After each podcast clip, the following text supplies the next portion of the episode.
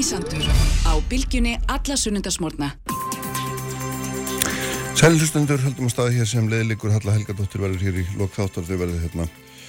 Uh, Þorgjörður Marja Þorbjörndóttir formað landvölda Sigur Hannesson uh, frangandstjóri samtaka innæðarænsræðum orkumál hérna með 11 leitið uh, Hildur Sveristóttir Orri Póll Jóhansson þinglásforminn sjálfstæðisflokks og meistri gætna verða hérna eftir að ræða. Nýlitt árið umbósmanns um kvalveðar eða frest um kvalveða eitt umdeldasta mál síðastliðins árs Uh, sem eru vaknað til lífsins af ný. En sestur hjá mér Óláð Þann Harðarsson professor Emeritus í stjórnbálafræði Sætla Blesaður, æfilega velkomin Gleðild ár. Uh, Langaði að fá til þess að ræða eins um um fórsetembætið Kjölfar þess að Guðni tilkynnt okkur á nýja stað hann ætlaði ekki, mm -hmm. ekki að gefa kost á sér aftur og, og svona, þá nú svona en á nýferð mann og hugsa um inntak og eðli þessa embæti sem við ræðum svona regla á fjóra á fresti en mm -hmm. er alltaf óhaggað í öllum textum mm -hmm. uh, og svona uh, sko er þetta ennþá svona hvað getur maður að kalla þetta, er þetta vandrað ennbætti ennþá eða hvað finnst þú? Ég held nú að þetta sé ekkert sérstaklega vandraða ennbætti menn geta náttúrulega velt fyrir síðan sko hvort að það sé ástæða til þess að vera með valda lítinn fórseta mm. e, það hafa komið alltaf við og við upp rattir um að þetta sé eiginlega óþátt og úrreld ennbætti en þær hugmyndir hafa aldrei náð neinu flugi og það er ekkert sem bendir til annars heldur en að mikill e, meiri hluti þjóðarinnar vilja áfram vera með fórseta og ef við skoðum sko þjóðhauðingjana í vestur Evrópu sem við berum okkur nú helst saman við þá eru þar ímist uh, fórsetar eða konungdæmi mm. og það eru, eru hreinar undantekningar í vestur Evrópu ef að fósitatir hafa einhver umtalsverð völd. Mm. og kongarnir til dæmis í Skandinavíu eru algjörlega valda lausir þeir, það er nú samt ekki nema nema sko innan við eða sem sé 150-200 ár síðan að þeir voru einvaldskongar en þar hefur ekki í Skandinavíu hefur ekki verið sérstu kreyfing á því að stofna líði veldi þó að slíka rattir hafi heyrst e, svona fyrir hluta 20. aldarinnar þá e, þegar krataflokkarnir voru að vaksa e, í, í Skandinavíu þá voru þeir náttúrulega með líðveldi en ekki með konungdæmi en mm. þegar þeir eruðu stórir flokkar og ríkistjórnarflokkar mm þá uh, hættu þeir að, að leggja áherslu á afnám konunglæmisins og í rauninni bara á þeim fórstendum að þetta skipti ekki mjög miklu máli í pólitík en það væru, það væri óvinnsal skoðun að vilja afnema konunglæmin e, og það væri engin ástæða fyrir kratarflokkan að vera að láta spilla, láta þetta mál spilla fyrir sér í kostingum mm. og maður sér að kongarnir á, á Norðurlundum þeir hafi yfirleitt verið mjög vinsælir og núna þegar að Margrét Þórhildur er að, er að um, hætta sem drottning í Danmörku eftir 52 ár mm. að þá eru hennar reytings eins og sagt er í Ameríku þar að segja þeir sem eru ánaðir með hana að það mælist í kringum 85% oh. og Fridrik Krónprins uh, sem er nú reynda stjórnmálurhæðingur uh, hann er að mælast með síðbæðar tölu og sömuleiðis uh, hans kona Mary og í könnun danska ríkisútvarsins núna bara heldur rétt fyrir áramótin sko þá voru það eitthvað um 70% danar sem að voru hardir á því að halda áfram með konungdæmi. Mm. Þannig að það er greinilegt að ríkjandi skoðun í vestur Evrópu er svo að það sé ástæða til að viðhalda þessu ennbæti.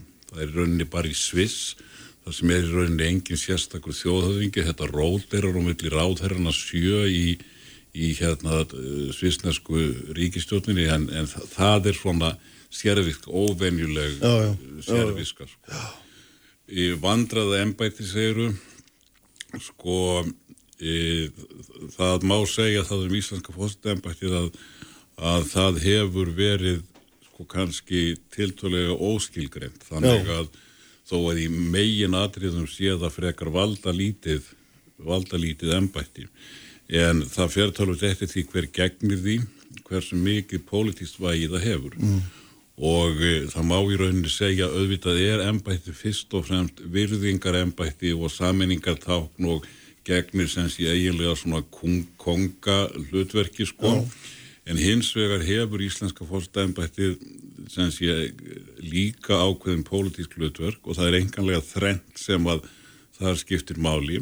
Í fyrsta lagi þá e, fer fórsetin með, með hérna með gegn, gegnir hann hlutverki við stjórnarmyndanir, hann ákveður hver, hver, hver verði hver fái umbóði sem kallaði Já, og stundum hefur þetta skipt miklu máli. Mm.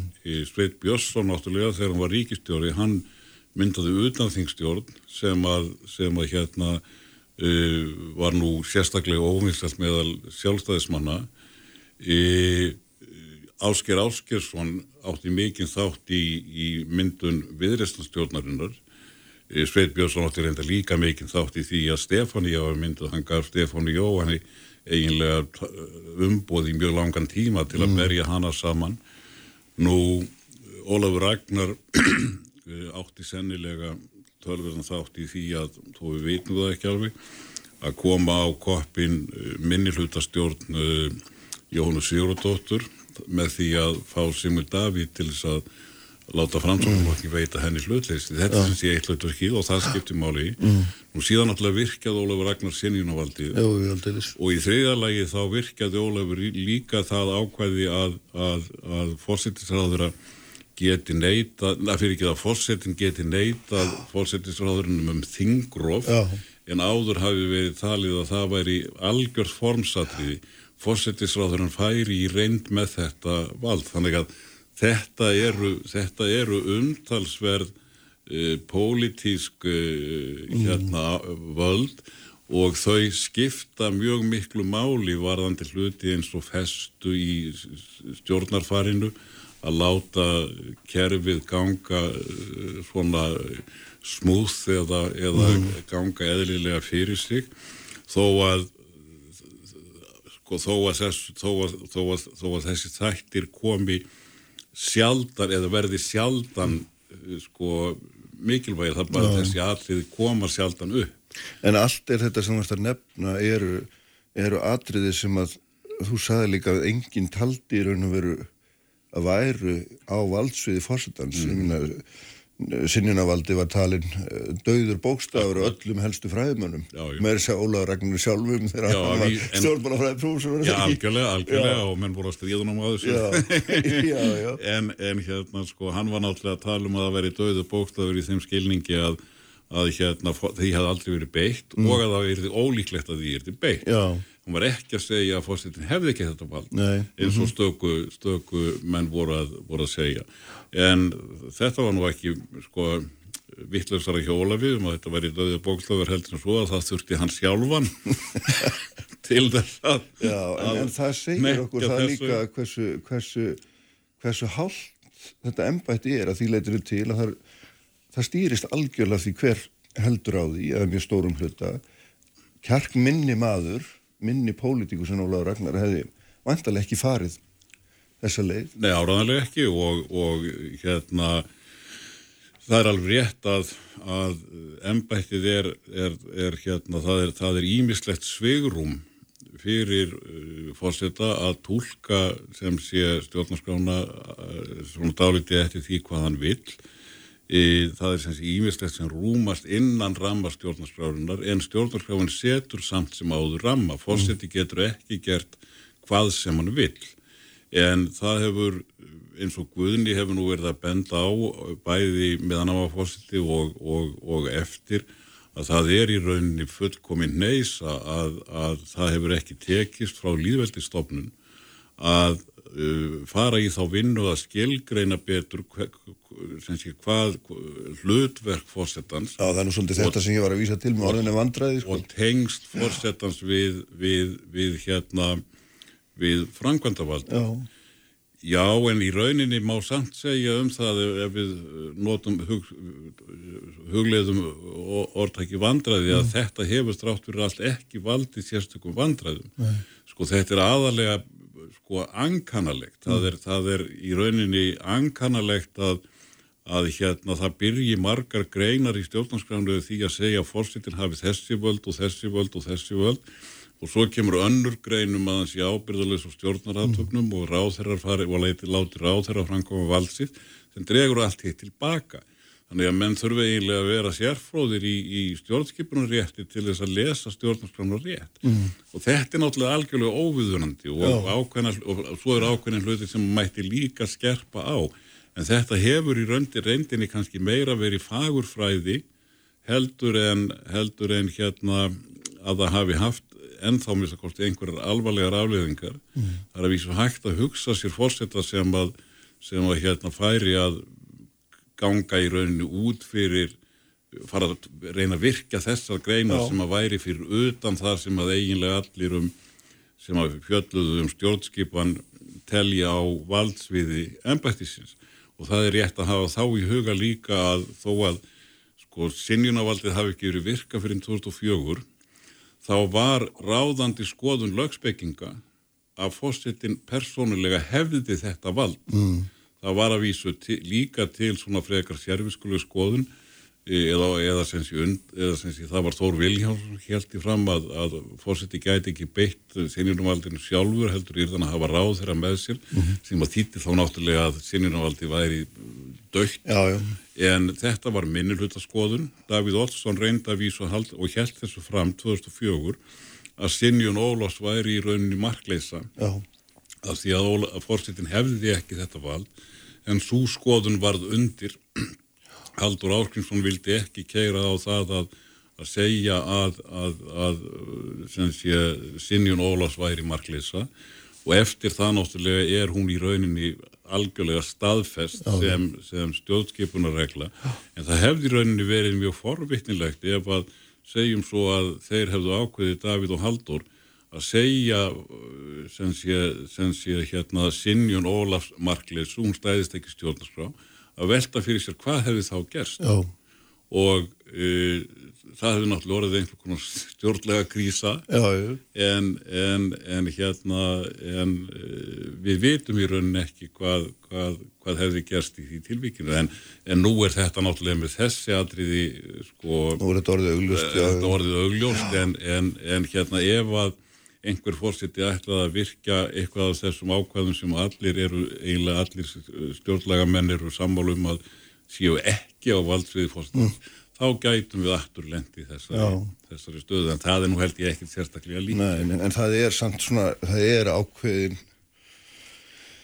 það er ákveðin svona hérna möguleiki á því að fórseti sem var svona tólka stjórnarskrona með aðeins öðrum hætti heldur en já, já, er, þessi fræðiminn geti farið sínu og... fram og geti knúið það fram í í hérna kraft einhvern svona almanna vilja því að minna, ríkistjórnin 2004 laðist náttúrulega gegn Ólaður Ragnari. Hann mm. hafði einhvern megin ábyggilega fólkið með sér ja, hann, hann, Hans skoðun var sinjunin nöyð uh, sko stuðnings uh, yfirgnefandi meirluta þjóðarinnar. Það er alveg klárt sko.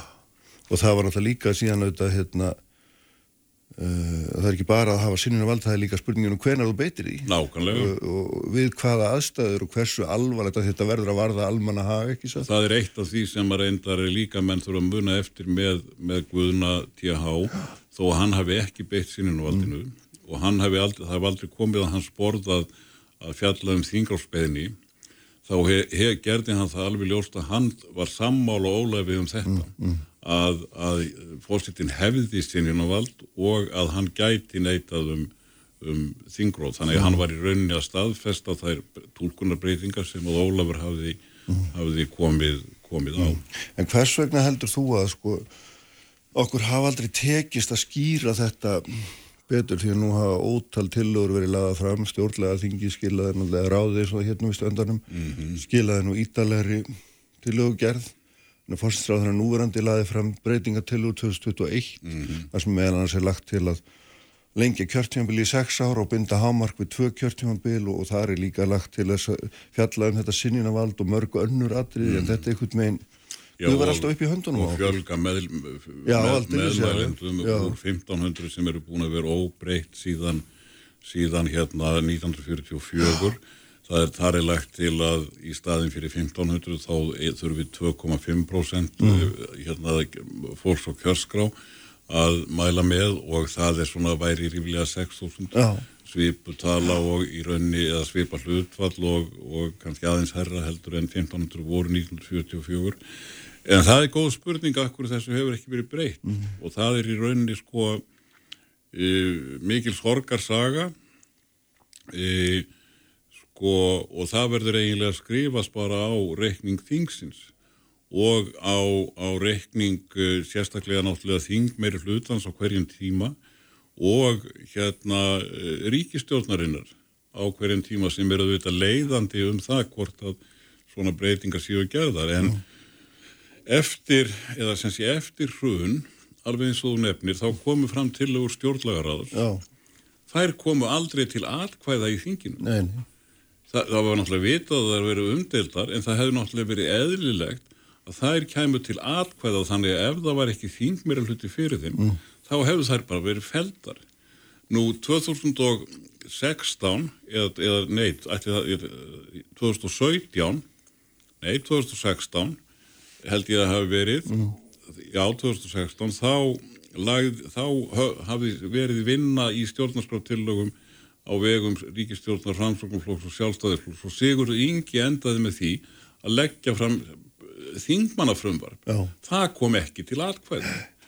Í 21 eftir að Katrín hafði ákveðið að reyna breytum aðferð og, og eh, kaplaskipta eða áfangaskipta þessari stjórnarskrarvinnu var búin að leggja í gríðarlega vinnu. Stofnaði stjórnarskrarnemnd þar sem voru allir hérna formenn stjórnmálaflokkana, voru hérst 25 fundi, mm. gríðarleg sérfræðvinna, ítalega tillögur frá þeim og, en, en, en það náðist ekki samstaða. Og Katrín leggur þarna í vorið 21 fram, eða í janúar 21 fram frumvarp sem að ég held að hefði tekur á mörgum þessum vand, vandraðamálum sem við höfum verið að tala um. Og ég held að sjálfur að hafa flestar þær tillögur hafi verið til bóta en burt sér frá því hvort það er værið til bóta eða ekki að þá náttúrulega er það lámaskrafa að frumvarpa þessu tægi fái þinglega meðferð því ekki bara svæft í þinginu. Sem var, reynd, var reyndin. þannig, það, sem var reyndin. Já. þannig að, að, að auðvitað verður það þingmenningar á endanum sem ákveða fyrir hverji einstaka tillög eða einstaka grein hvort hún er samstæktið ekki. En ég held að jafnvel þó að þó að hérna allar tillögurnar í, í þessa, þessum, þessu frumvarfi Katrínar hefðu verið feldar mm. nema, eina, nema þessi eina um meðmælandafjöldan þá hefði það skipt umtalsverðu máli að fá það í gegn uh, vegna þess að þessi litli meðmælandafjöldi hann hefur leitt til þess að algjörlega fylgislaust fólk mm. eða nánast fylgislaust fólk það, það getur farið í frambóð og fær þá fullt rúm í, í hérna, umræðunni eða í kostningabaráttunni og setur í rauninni allt öðruvísi svip á kostningabaráttuna mm. heldur en kostningabarátta þar sem að eh, einungis eru í frambóði þeir sem að hafa eitthvað fylgi og koma í rauninni til greina sem, sem sigurvegarar í kostningum. Mm. Já, en þetta er auðvitað eitt af því sem er, svona, er mjög fróðlegt að skoða líka í að því að mann hefur nú að gandast með þetta að kalla þetta sangkvæminsleik og trúðaleik og ég veit ekki hvað og hvað en, en, en svona heilt yfir þá myndir maður ætla sko að þetta svona þessi fjölmörgu frambóð þetta grína allt mm -hmm. þetta endur speiklar það hvernig svona virðing fyrir stopnunum uh, fer þverrandi og, og svona þetta er, þetta er þú, veist, við, þú veist að sína mér aðan tölur frá síðustu kostninga eða 2016 mm -hmm. þar sem að fjóri frambjöðundur fengi ekki einsinni sko atkvæða fylgda á við meðmaldalistan nei, nei, og einhver fekk 200 atkvæði. 294, það sko nú hafa ekki verið verið að hafa 94 atkvæði af frambjöðunduna en það voru fjórir, fjórir frambjöðundur sem voru með sem sé, innan við, við 1500 Já. og hérna þrýra þessum fjórum voru með vorum við innan við, við þúsundatkvæði. Uh, Ástór Magnússon til dæmis var þarna í frambóða hann fekk 615 atkvæði. Þriðjungin af, af, af lágmars meðmannalafjöldanum og þetta er náttúrulega bara grína, þetta sýnir náttúrulega líka það að, að það eru einhverjir sem að sína það ábyrðarleysi að, að mæla með einstaklingi mm. í fórstættaframbóði án þess að ætla kjósan Já, já og sumir halda það sé bara eitthvað svona líðræðislegt að allir eigi að fá að vera með. Menn ráði því náttúrulega sjálfur hvernig þið tólka það en, en bara talan er svo hlægilega lág að, að hérna allir geta, það geta í rauninni allir. Mm. eða nánast allir. Sapnað 1500 með, já, já, ég verði strax að draga í land ég verði strax að draga í land því að 2016 voru það á, á þriðja tög einstaklingar sem lístuð yfir að þeir ætlaði frambóð en þeir enduðu nú bara nýju Já. og einhverjir að hinum hafði ekki, þeir máði ekki einu sinni tekist að safna þessum 1500 meðmælindum, aðrir hins vegar hættu af öðrum, öðrum ástafum. En sínir þetta okkur ekki það hversu svona, ég veit ekki hvað, þetta er einhver svona, ekki algjörst virðingaleysi fyrir þessu, þessari formfestu sem þú ert að tala um að sé nöðsynlega og hérna, þessum öryngisvendli sem viljum hafa saminningatákni mm -hmm. og svo grínast fólk með þetta svona eða, eða veit ekki hvað það er einu svona grínast Það er í rauninni tvent í þessu sko það hefur almennt orðið svo breyting bæði hér á landi og í nágrannlöndunum að svona formlegheit uh, hafa minkan mm. í samfélaginu og það gildir líka um þjóðhauðingjana það þótti til dæmis algjörlega óviðiðandi þegar við vorum strákar mm. að það verið, verið að herma eftir fórsetunum eða, eða í raunin, rauninni að blása á fórsetan, gaggrína fórsetan sko. það hefur allt breyst. Já.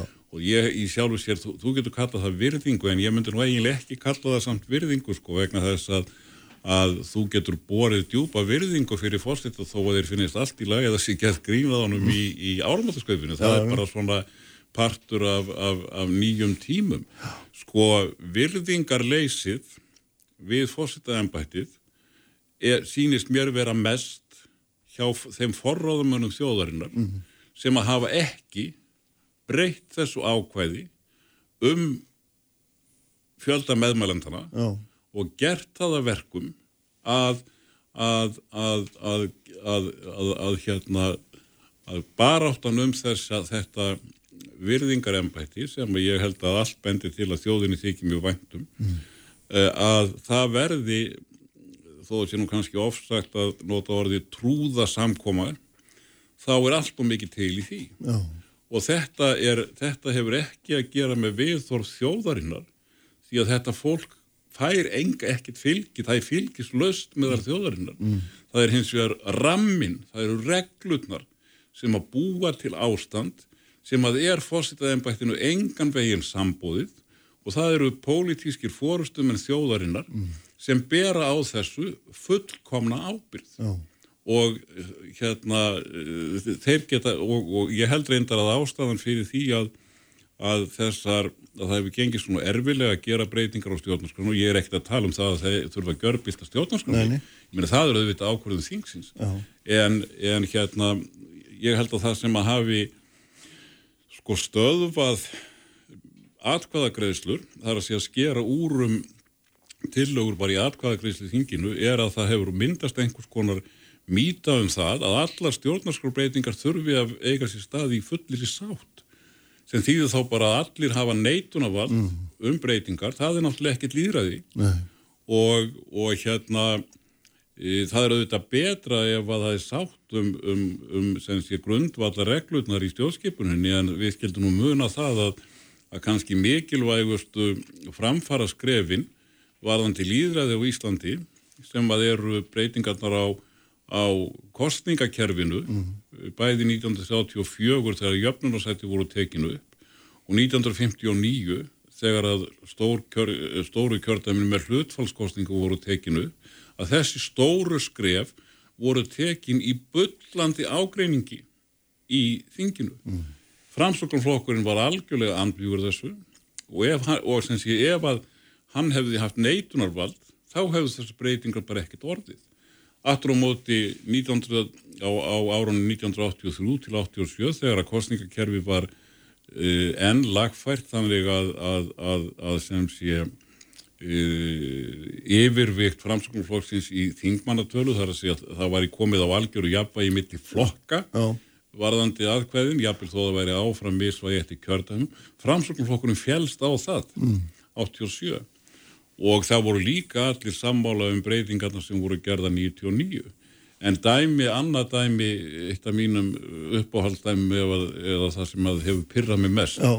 Er það að, að, að, að hérna í fernum síðustu kostningum þá hefur ekki tekist að jafna þingmannatöluna eftir kjörfylgi flokkana e, og nú er það þannig að þetta var alltaf í stjórnarskráni, allt svona minniháttar aðriðið um kostningakerfi mm. voru í stjórnarskráni. Mm.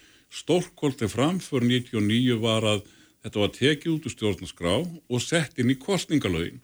Akkur var það gert til þess að það væri auðveldara, þing, einfaldur meirhlut í þinginu, gæti bara lagað, framkvæmt lagfæringar ef það kæmu upp hlutir eins og þessir. Því að stjórnarskráðin segir beinlýnis að hlutverk í öfnunarsætana sé að jafna vægi millir þínflokka. Þannig að það jáðrar að minnst að kosti við að núverandi kerfi sé í andstöðu ef ekki beinlýnis við stjórnarskrána þá að minnst að kosti við þessa megin hugsun stjórnarskrána. Og af hverju hefur þingið ekki gert þetta? Þetta er ekki stjórnarskrárbreyting. Þetta er bara ennfald lagabreiting.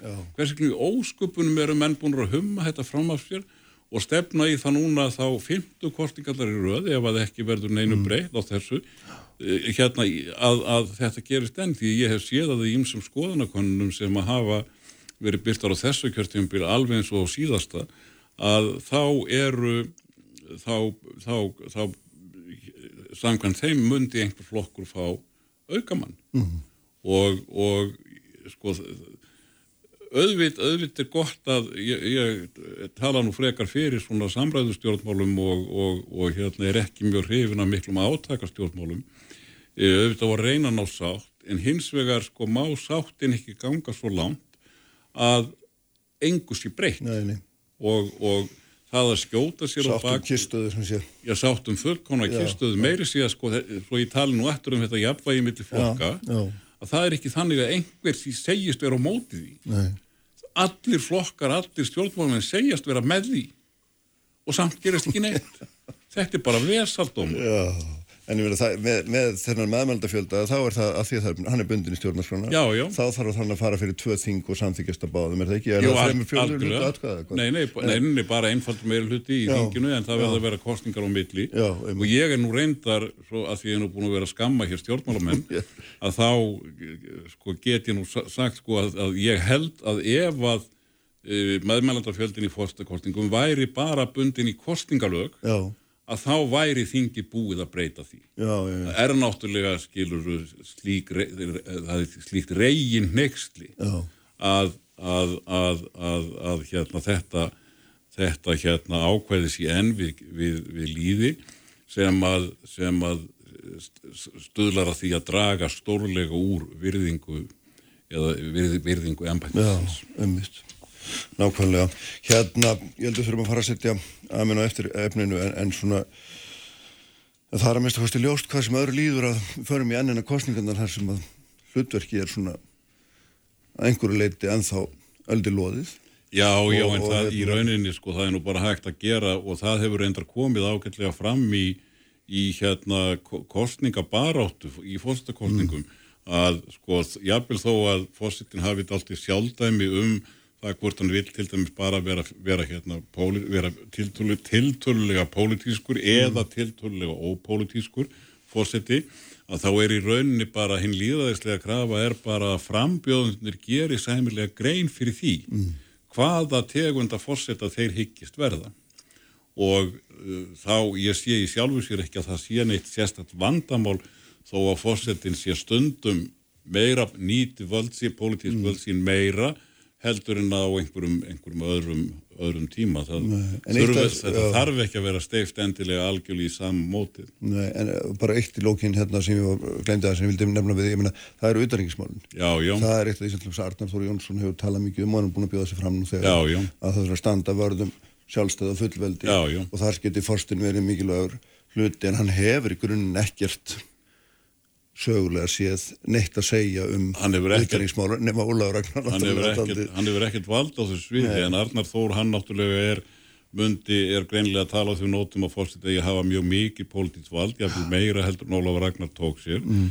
og það er í raunin á sömu nótunum og Guðmundur Franklín var með þegar hann böði sér fram gegn Guðna 2020 og fekk 7% aðkvaða en, en Guðni 92 í sko, en hins vegar sko, það sem að er í rauninni ekki eiginlega ekki hægt að setja inn í neina stjórnarskárreglur er það, er það með hvað hætti fórsettin talar mm.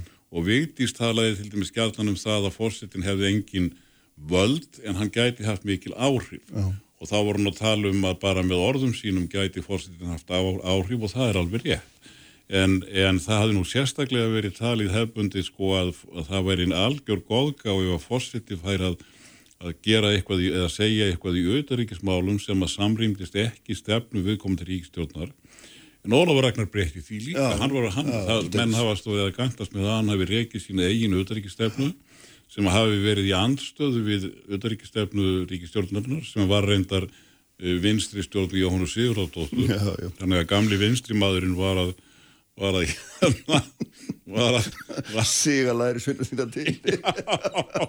Já, já og, og hérna e, það er náttúrulega alveg rétt að það er á margan hátt mjög óheppilegt en það er nú eiginlega ég sé nú ekki að það sé beinleginis hægt að, að skerða málfrelsi fórsetan menn geta náttúrulega bara þá gaggrínda og ef að þjóðinni líkar það ekki að, að, að fórsetin sé til dæmis að gaggrína auðvaríkistefnum ríkistjórnarnar uh -huh. þá náttúrulega bara fellir þjóðin hann í næstu kostningum og e, sko ég get alveg fallit á það að það er óheppilegt að, að hérna tvö höfuð í, í stjórnkerfinu tali sitt hvori tungunni og ekki síst við útlendinga. Uh -huh en, en, en maður sér nú ekki eh, hérna kannski að það sé hægt að, að uh, setja það beinleins í stjórnarskrána að menn skuli alltaf, alltaf tala einum uh, rómi fórsett fórsett það er bara svona margt með fórsettan að þetta byggir á hefð. Já, já, byggir að þeir hefð að hann ger ekki þetta og hitt, svo já, kemur einhver og gerir bara eitthvað allt annan Nákvæmlega. og það er, er, það er það sem ég er að tala um þetta er svo og loðið hvað það varðar sko. það er alveg rétt sko, mm. en það er í rauninni sko, það eftir móti sko með til dæmis kongana á Norðurlöndunum að mikið af þeirra hlutverki er bundið í hefð Já. og náttúrulega í Breitlandi þar sem er engin stjórnarskrá þá er þetta meir og meina allt bundið í hefð Já. og ég kendi það nú áratugum saman e, í, á fyrsta ári í stjórnmálarfræði e, í háskólunum að e, þó að það væru bara hefðir í Breitlandi ditti engum í hug að menn færu að rjúfa þær hefðir. Nei. svo fengum við Brexit. Og stjórnir íhalsflóksins í framhaldinu sérstaklega Boris Johnson. Og þá reyndist þetta bara allt rámt hjá mig því að þar, þá, þá komu mjög stjórnvöld sem brutu allar hefðir. Allar megin hefðir breska stjórnkerfisins. Og það var ekki eins og það var einhverju kommunista, þetta var íhalsflokkurinn sem að maður var bara gapandi hissa uh, á, á þannig að, að í rauninni sko og í bandaríkunum erum við náttúrulega með Trump sem að stendur fyrir sko uppreysnar tilraun tilraun til valdarán og hann er verðlunaði með því að vera lang eftir í, í hérna prófkjörunum hjá replikonum þannig að það sem ég er í raunin að segja er að hafa það líki í huga að, að sko góð stjórnarskrá tryggir aldrei gott stjórnarfar. Það eru fleiri hlutir sem koma þar inn. Góð stjórnarskrá kannski eigur líkunar á því mm. að stjórnarfærið verði skaplegt en hún garanterar ekki neitt. Enda var það nú alltaf sagt hér í gamla daga að besta stjórnarskrá í heimi sem hefði verið samin og gaf, gaf hérna borgununum mestar tryggingar og réttindi það var stjórnarskrá Jósef Stalins í Sovjetríkjunum en markmið þeirra stjórnarskrá náðust nú ekki beinlínist Nei, akkurat það er mild til orða. Hérna, takk einlega fyrir komina og þau verða hérna hjá mér Hildur Særistóttur Ári Páll blikk Sprengisandur alla sunnudaga á bylgunni Frettir þjóðmál og pólitík. Sprengisandur á bylgjunni. Sæli hlustundur, uh, velkomin eftir hér á Sprengisandin. Uh, Óláð Þátt Harðarsson farið frá mér. Uh, Halla Helgadóttir verður hér í lok þáttur að verða hérna eftir um, Sigur Hannesson og Þorgjörður Marja Þorbjörndóttir ræðum þá um orkumál en hérna er hjá mig sestur uh, Orri Páll Jóhansson og við ætlum að ringja í Hildi Sverrisdóttur uh, Þingflóssonan sjálfstæðarflóksins líka Orri þetta hérna Þingflóssonan af FG Sælblessaður Góðan dag og góðan dag, sömulegis sko það er náttúrulega þetta kvalamál Orri mm. og hérna Býðum að þetta er heldur komið inn, hún kemur inn bara mjög fljóðlega. Hérna, þú skrifaði nú strax grein í morgun þar sem að þú hérna, endur tekur afstöðu þína sem þú hefur nú reynda líst í þessum þætti, mistu einu sinni ef ekki tvisar, um það að ráðhrann hafi farið rétt að. Já. Að ekki geta gert neitt annað, Nei. þrátt fyrir álut umbósmann sem að eiginlega segja nú við því að þetta sé ekki rétt í þeir. Já. Ég, bara, ég get ekki lesið það öruvísi en að, að þetta hafi bara verið ófullnægandi hérna, lagastóð og, og ráðurinnum hafi þar alveg ekki verið stætt á að gera það sem hann gerði. Já, það sem, að, það sem ég kannski gerir í þessar greini morgun er að rekja þessa sögu í eins stuttumáli og hægt er að því að hún ásýrðu þetta lengri aðdraganda heldur en bara akkurat þetta álit sem leikur fyrir núna.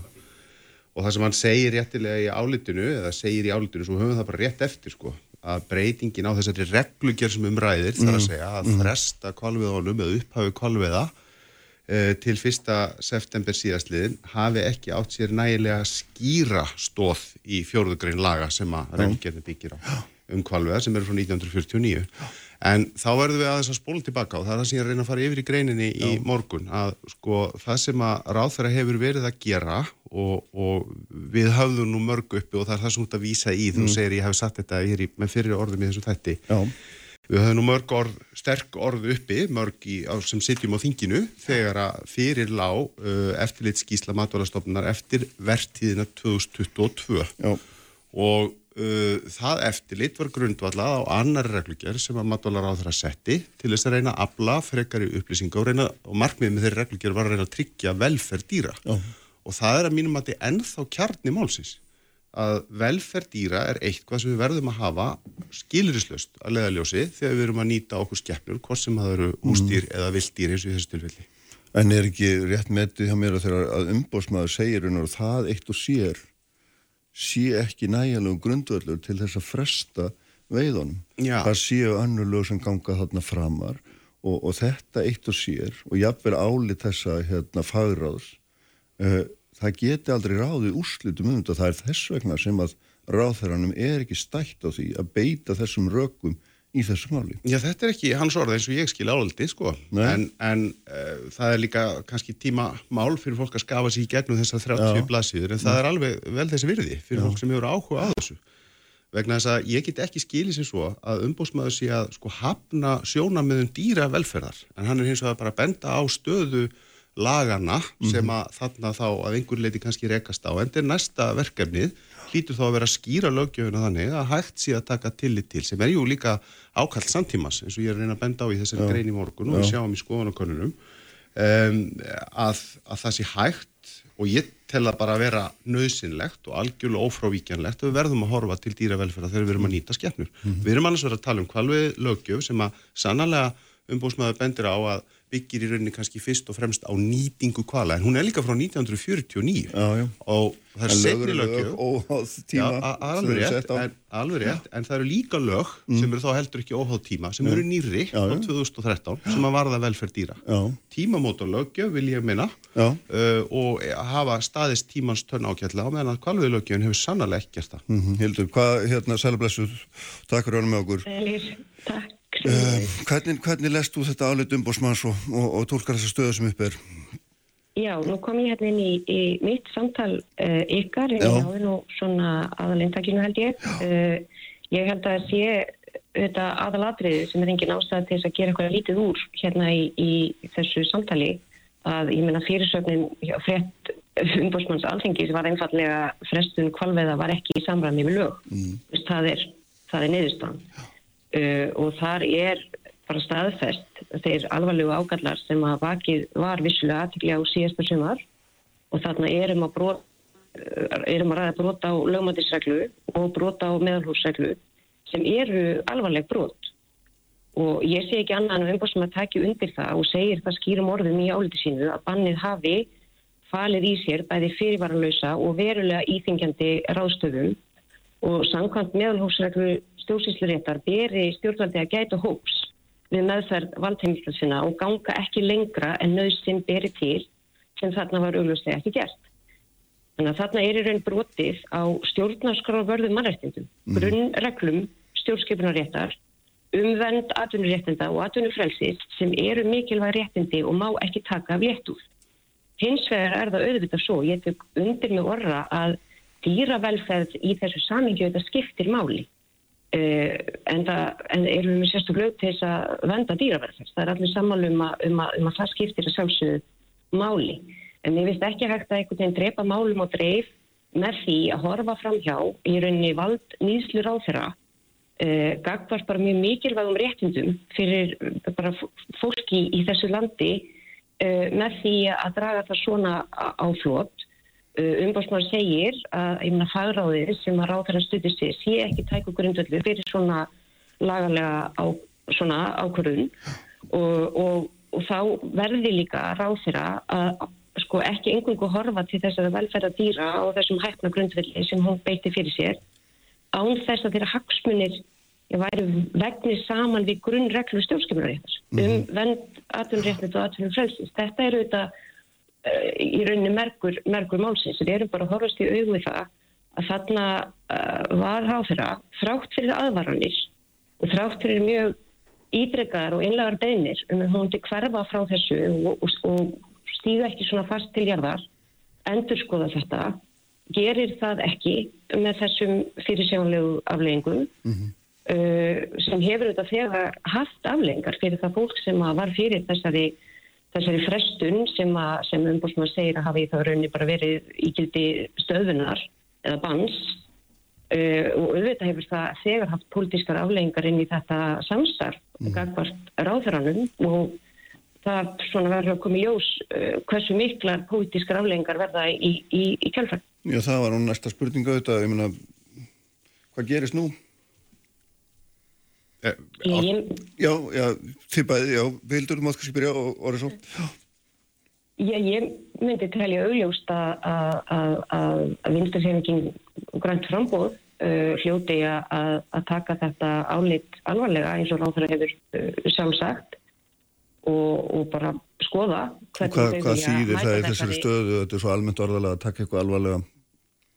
Gerir maður eitthvað í málunu eða bara les maður það með ætla, alvarlegum augum Ég ætla að treysta því að ráðfyrir sig þarna kona orða sinna. Uh, eins og sé, ég gerir ráð fyrir því að Vafki uh, muni skoða hvernig þau ætla að mæta þessu að finnspunga sem að ég til aðeins að verði. Mm -hmm. Já, auðvitað tekur ráþæra þessu alvarlega, sagt það í fjölmjölum og ég ætla rétt að vona að allir þeir ráþærar og þau ráðunetti sem að hafa til að mynda á síðustu tíu árum, þetta verðum 15 álit eða mm. ábendingar uh, umbósma sem hafa borist ráðunettum, hafi tekið þetta allt saman alvarlega. Þetta er til þess að, að, að, að breyðast við en, en þá ber líka halda því til haga að umbósmaður er ekki með sérstök tilmæli til ráþærans, hann er bara að draga þetta saman.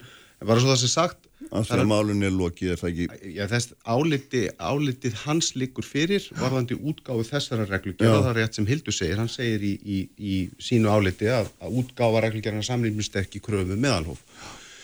En að því að Hildur þú notar orðið vald nýðsla, þá vil ég líka bara draga fram sko, orðið dýra nýð í samhengi þeirra upplýsinga og þeirra, þeirra gagna sem var aflað á grundvelli reglugjaraðar, annarar, mm. ekki þessara sem mm. áliti fjallarum Um, um í rauninni hvernig staðið er að þessum veiðum uh, og með hvaða hætti. Við erum eina þjóðin af þessum þremur sem stundar kvalveðar í heiminu sem stundar veiðar á stórkvælum og uh, þar hafðu, ítrekka sín staði hér upphafðu, þar hafðu nú mörg, mörg uh, okkar kollega uppi mjög stór orð um það að, að það eru upplýsingar og þau myndbönd sem sérstaklega var aflæðið þessu samingi síndu ekkert annað en reynd og klárt dýranýð mm. í allt of háu hlutfalli þeirra kvala sem þá voru veitir og undir þetta tekur faraði sem hefur sannlega líka lögbundi hlutverk á grundvelli dýravelfæra lagana og mér finnst þetta fyrst og fremst, ég, ég skil alveg það sem Hildur er að segja mm. og, og það er rétt sem hún segir að þessi orður alveg í samræmið það sem að uh, kollegur okkar í ríkstjónir hafðu uppi í, í sjálfstæðisloknum uh, síðastliði sumar þegar að kannski mesta umræðan um þetta mál fór fram en það breytir ekki þeirri staðrind að við stöndum frammi fyrir því og ég les það út úr áleitnum umbósmas að það verður að tryggja það að lögjöfinn geti tekið með skýrum hætti á velferð skeppna og í þessu tilfelli kvala. Mm. Og ég líti á það sem næstu áskoruna og þegar ráð þeirra segist taka álitið alvarlega og ætli að skoða lögjöfun í því samengi að þú trúi ekki öðrun að við séum vel sammála því að við verðum að reyna að mæta því með einhverjum hættu og það eru uppi ímsar hugmyndir, mér langar til dæmis að benda á eina En má ég lesa fyrir því hérna eitt, sko umbórsmaður bendir á að þóttur á þar að ge, hafi geta horti sjónamiða um dílaverflöfli útgáðreglugjara þá sé vend og viðhaldstofnins meginmarkmið laga um kvalveðar. Ekki hafi verið tekið tillit til nýtingarsjóða með að heldur fyrst og fremst horti velferðardýra og þá án þess að þeir hagsmunni væri veiknið saman við grunnreglu stjórnskipunaréttur um vernd, atvinnrétta og atvinnufrelsis ráður að hafa því skort nægilega skýrast og lögum útgáður reglgerðunar.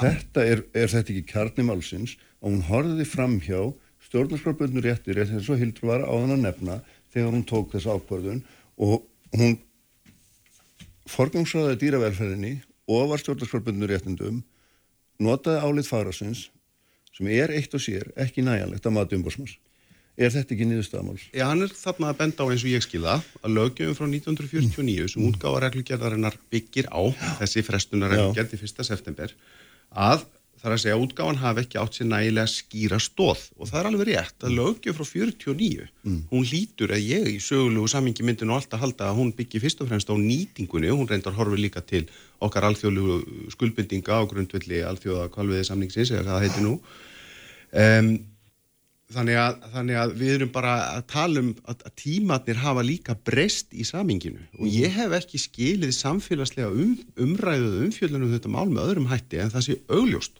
að við verðum að taka tillit til velferðarskefnana mm. sem þá greinilega var ekki útgangspunkturinn við setningu lagan á sínum tíma og eða þeim afar takmörkuðu breytingum mm. sem hafa átt sér stað í, á þessari lögju og á þessum rúmur 70 árum. Já. Það segir nú líka sitt.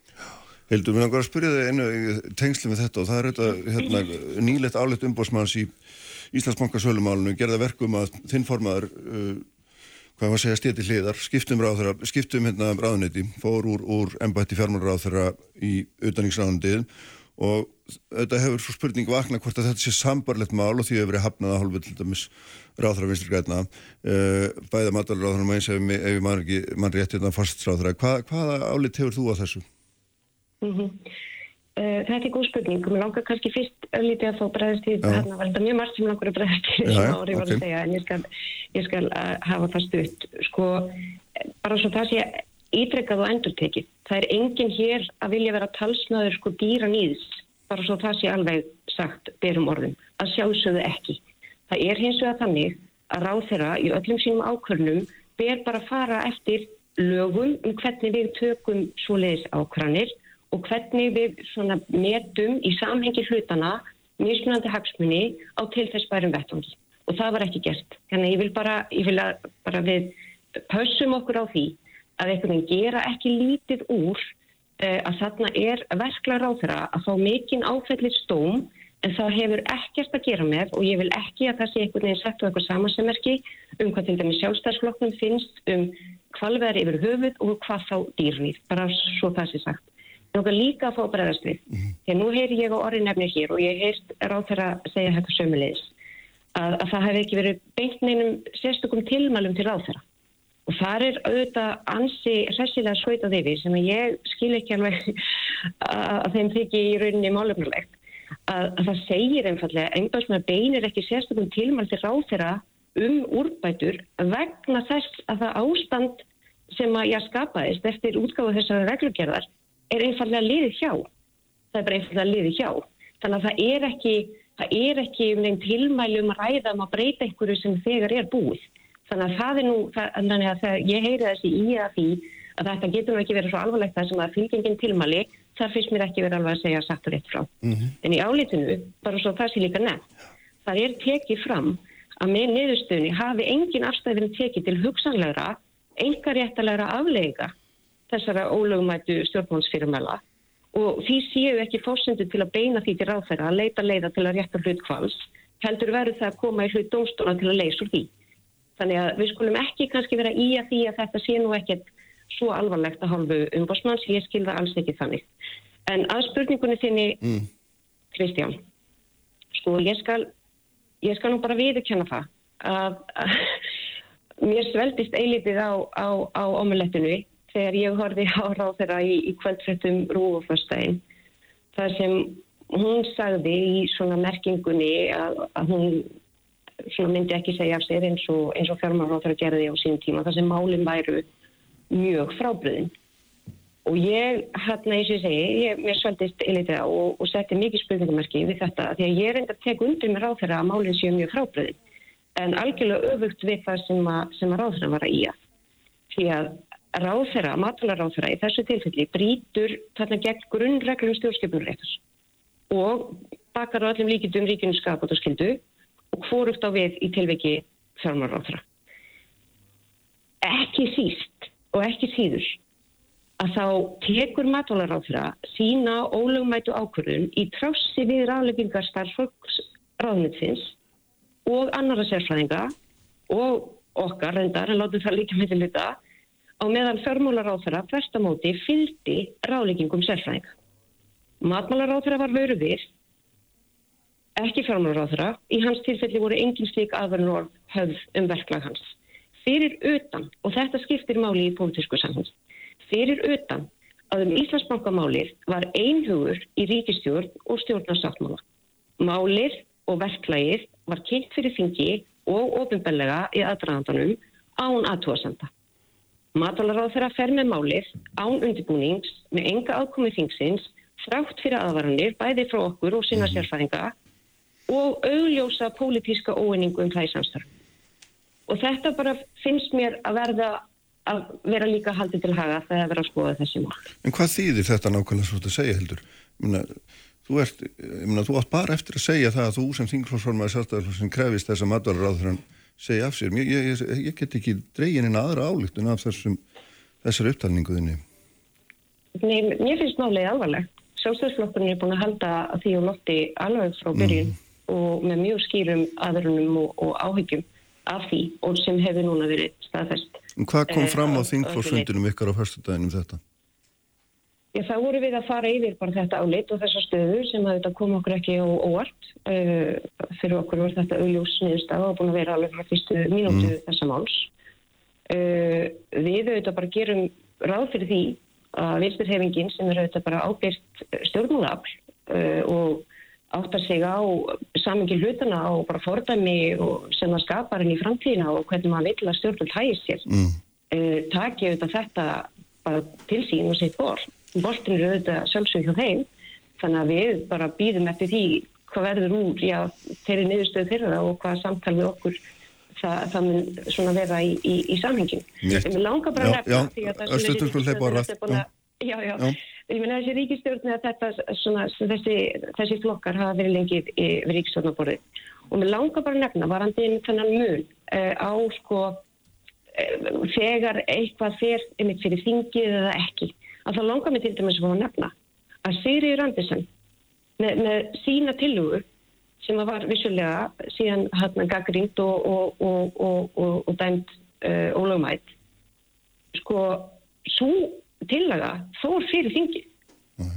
og var samþygt þar þar var til dæmis ekki um að ræða þar var til dæmis ekki um að ræða eitthvað solo salsa ráþera sem í þokkabót var auðvonslega ólögumætt og var að var við og hefur verið staðfest. Þannig að þetta samhengi skiptir máli. Það skiptir máli hvort að ríkistjórnin öll standi saman að einhverju án aðtóðsanda eða ekki. Já. Og svo er ekki Já, í þessu tilfelli og þess vegna er þetta mál eitthvað frábriðið öðru, öðru mál. Skilir, nú skulum við leipa eins og orðaðan þetta. Ég ætla bara að segja, við sínist okkur ekki endast endilega tími til þess að fara að týna hér upp endalus atriði það sem eru augljósta. Ríkistjórnin hefur ekki verið þessi breyða ríkistjórn sem mm. allir vita spannar því pólitíska mm. litróf er ekki fullkonlega sammála um hlutina mm -hmm. og mhm. hvort að hlutir hafi verið borðnur undir þingið eða ekki. Ég ætla ekki að einu svona að byrja að rekja upp þann lista en Nei. það sem okkur hefur hins vegar farnast að gera á þessum 6 og núna verðandi 7 mhm. árum er að leiða til líkta allskynnsmál og alveg augljóst að við erum ekki á, á, á sama stað í nálgun mála út frá öllum minglum. Ég vil hins vegar uh, gera aðtöðsendur við eitt í því það sem hún segir Hildur sem er mandra sem ég heyri að, að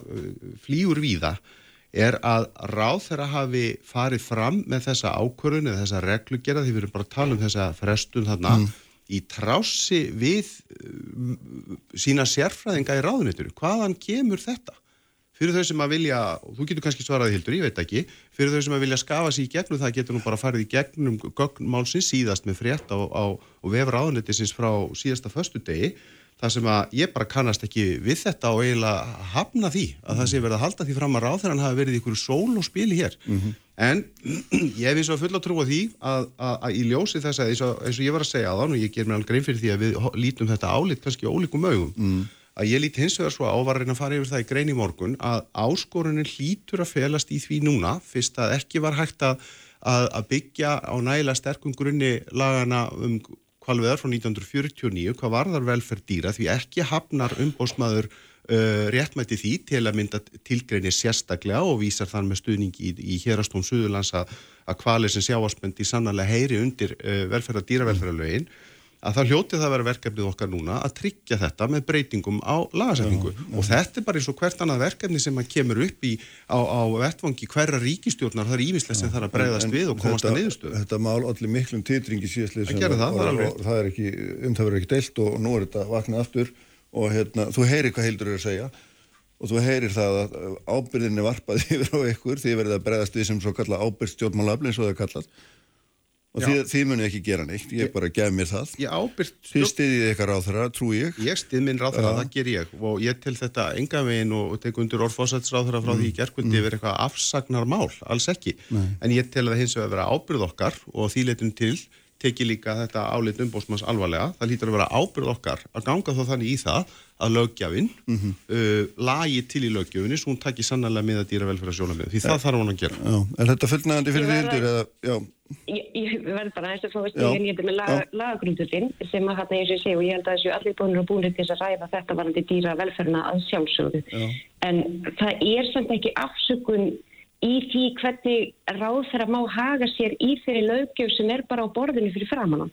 Það er bara staða málsins. Mhm. Og ég verð bara að fá nefna í því samingi þar sem við vorum nú að gera þennan samaburð á, á málum hennar já og, og, og eldsnögg, Íslandsbankamálsins eldsnögg að það er í rauninni svolítið komist að í tilfelli Íslandsbankamálsins var sá einstaklega óskýri lagagrundullur sem þar er lagður varandi aðkomur ráþæra í þessu sölukvörni þar sem að mátti annars verður alls ekki vera aðna en hins átt að vera aðna og allt það settur að vinstustjórn samfélkingur á vinstri gröna sem Bjarni sjálfur fekk ekki stuðning til að breyta nokkrum árum síðar.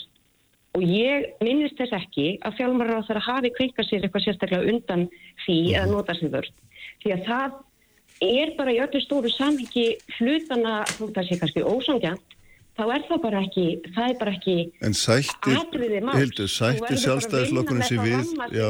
Hildur, sættir sjálfstæðislokkurinn sig við að sitja í ríkistjórn með ráþara sem hafa sér með þeim hætti sem þú heldur fram og talar um. En sættið ykkur við það, eða er þetta eitthvað mál sem þið viljið láta brjóta á? Skulum við bara koma hér að kjarnamáls alveg beint. Ég, sko, það, það, eins og ég sagði áðan, þetta náttúrulega hefur augljóslega haft þau áhrif nú þegar að það er, er ákveðin svona, uh, svona brestur í því trúnaðarsambandi þingflokks, sjálfstæðisflokksins og, og, og þessar ráðfæra eftir allt þetta mál sem hefur núna endalega verið staðfest. Mm. ef að þau skilabóð eru þannig að þetta mál skipti í bókn og grunn engu máli og ég bara trúi því ekki að vinstur hefingin græntframbóð allir að ágræða máli þannig en við munum þá bara setjast yfir það þegar, þegar það líkur fyrir en eins og ég segi, ég hef trú á því að, að, að Vafki muni setjast yfir þetta og sjá hvernig þau ábyrgum hætti alltaf mæta því hins er það auðvitað þannig Já. að pólitísku raunveruleiki eru auðvitað sá að þessi flokkar sem eru allir, já, vilja vera ábyrgi stjórnmálflokkar og vilja vera ábyrgi stjórnmálamenn fengu þetta verkefni í a- að stýra samfélaginu þennan tíma. Núna er einstaklega viðkomið tími í íslensku samfélagi og þar er auðvitað mest kannski verið að horfa á efnarsástand kjara viðröður, mm. nánuðu verðbólgu og vöxtu eins eins og við tekjum. Þetta er auðvitað verkefni sem er þess eðlis að það er auðvitað ábyrðar hluti að einhvern veginn eh, taka tilfinningarhing og labba frá borði eh, eina kvöldstund eins og við höfum séð fordómið fyrst. Ábyrgi stjórnmálaflokkar gera það auðvitað ekki. Þannig að það eru auðvitað okkar verkefni líka að horfa á allt þetta í stóru samingi hlutana. Ég ætla ekki að gera lítið úr því, en ég skal vera alveg kýrskýr með það. Já, Að það, það verður mikið trúnaðaböstu við ráðfram og vinstarhefingur og grænt fram og verði að leiða mér að segja. Ef að skilabóðin eins og að koma frá þeim núna verður loka niðurstað þessum hús. já, En við hildur erum alveg saman um það. Stóra verkefni framöndan Já. er uh, eh, kjærasamlingandi og nániður hér vöxtum og, og verbulgu vegna þess að það er til halsbúta fyrir uh, öll í þessu landi. Ljómandi, bestu þakki bæði tvo. Takk fyrir að með okkur hildur, takk fyrir að koma árið. Takk svo leiðis. Og Sigur Hannesson, eh, uh, Þorgjörnum Marið, Þorbjörn Dóttir er hér eftir or orkumálun.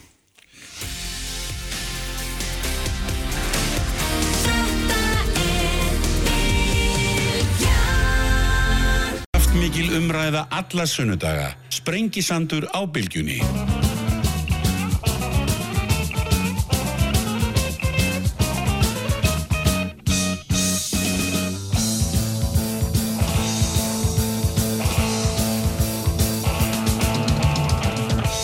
Selja aftur hlustundur, þau eru farin frá mér uh, Hildur Særistóttir og Orri Pál Jónsson uh, Halla Helgadóttir verður hérna eftir þau eru sest hjá með Sigur Hannesson frangansstjóri samtaka yðnaðar eins afsakið og Þorgjörður Marja Þorbjarnadóttir sem er formaður landvendar Sælablessu beðið tvö, velkomin. Heri, Það eru orkumálinn, þetta er hérna eitt af, þetta er eitt af risamálunum alveg augljóslega. Og hérna það hefur verið svona gaman að, já, bara magnaði að fylgjast með svona sístu vikur að þá hafa stíið fram allir helstu potentátar, fórstjóra stærstu orkufyrirtækjana og svona og, og bara er að skiptast kröftulega á skoðunum um, um uppbyggingu og hvaða orkaði til og til hvers að nýta hann á svo framvegis.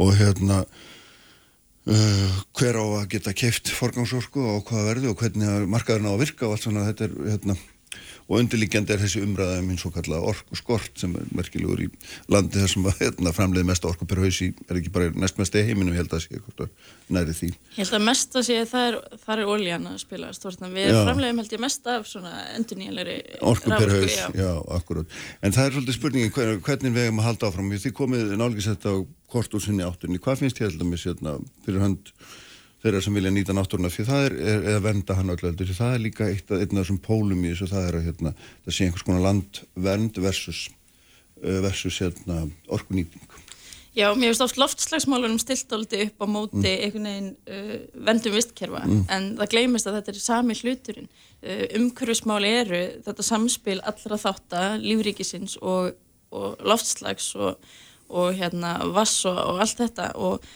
Hérna, mér hefur þótt umræðin um þannan skort, uh, skortur verist að vera skilgrundur þannig að það bara ef að það er eftirspurn og einhverju vil kaupa orgu mm. sem ekki er til, að þá er skortur. Uh, og í rauninni erum við búin að afsala okkur þeim síðferðislu spurningum hver á að fá kaupa orgu með að lefa bara markanum alveg að ráða, bara orga fer til hæspjönda. Uh, og heimilin eru komin þar í kreppu, bara eins og orgumálustjóri bendir á og, hérna, og það þarf að tryggja öryggi heimilana en það snýst ekkit um það að, að virka meira mm -hmm. uh, og þessi umræði komin að miklu villigutur þegar fólk heldur að það sé hægt að, að virka meira til þess að, að stemma stegu við, við þessu að heimilin sé að verða undir í þessu hérna uh, þessu markaði á, á orgu mm. og ég get bent á það að hérna hann Marino Njálsson sem að skrifaði doktorsritkar sína 1988 um þennan orguskort uh, síðan þá hafa komið 90 virkinir í viðbót en við erum í, í sum stöðu mm. þannig að ein virkin í viðbót er ekki að fara að leysa þetta mál Sigurður, þú ert þú og þið eru miklu talsmenn þess að við bætum í mm -hmm. virkið meira Já. nýtum orkunum sem vegum betur meira Við erum það og við erum kannski bara að benda á stöðuna uh, síðan 1988 eða, eða hvað ár sem við veljum að þá hefur landsmjörnum alltaf fjölga mikið, hagkerfið vaksið og framleyslan samhliða. Við njótum góðra lífskjara meðal annars vegna þess að við höfum hagnýtt orgu og reyndar er það þannig að, að sko, þeim löndum sem vegnar vel að þar er nægt frambóð af orgu.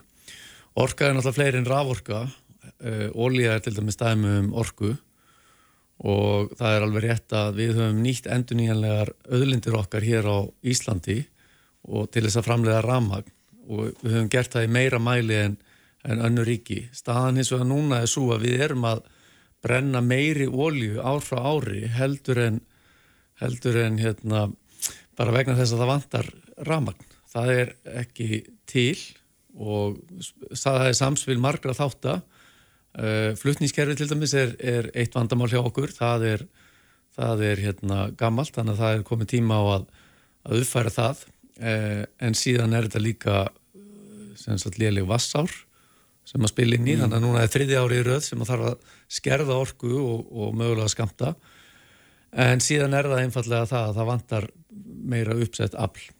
Þannig að við höfum verið að benda á þessa stöðu og hvetja til þess að gripi verið til aðgerða. Mm. Við höfum náttúrulega heyrt málflutningum það sko í, í hvað má orkan fara. Uh, ég held að ég hef ekki heyrt neitt núna á síðustu vikum og mánuðum sem hefur andmælt því að heimili landsins og fyrirtæki séu, séu sett í forgang uh, og er það að vísa í frumar sem komin í þingi núna í hvaða november mm -hmm. Og við þar á meðal tölum fyrir því að, að svo verði. Við höfum hins vegar gaggrind mjög útfæsluna og þingi hefur tekið það til gaggir endurskoðunar. En hins vegar þá þarf einfallega meiri raforku hérna á Íslandi.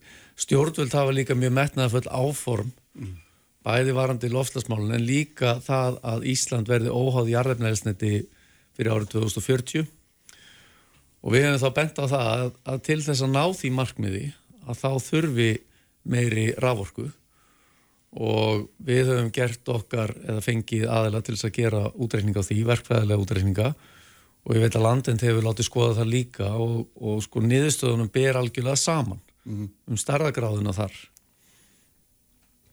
Þannig að við erum sammála um, um það og við séum ósammála um, um leiðina þángað. Mm. Við hefum líka bent á það að, að raforka á Íslandi er nótuð til og reyndar orka er nótuð til verðmætasköpunar.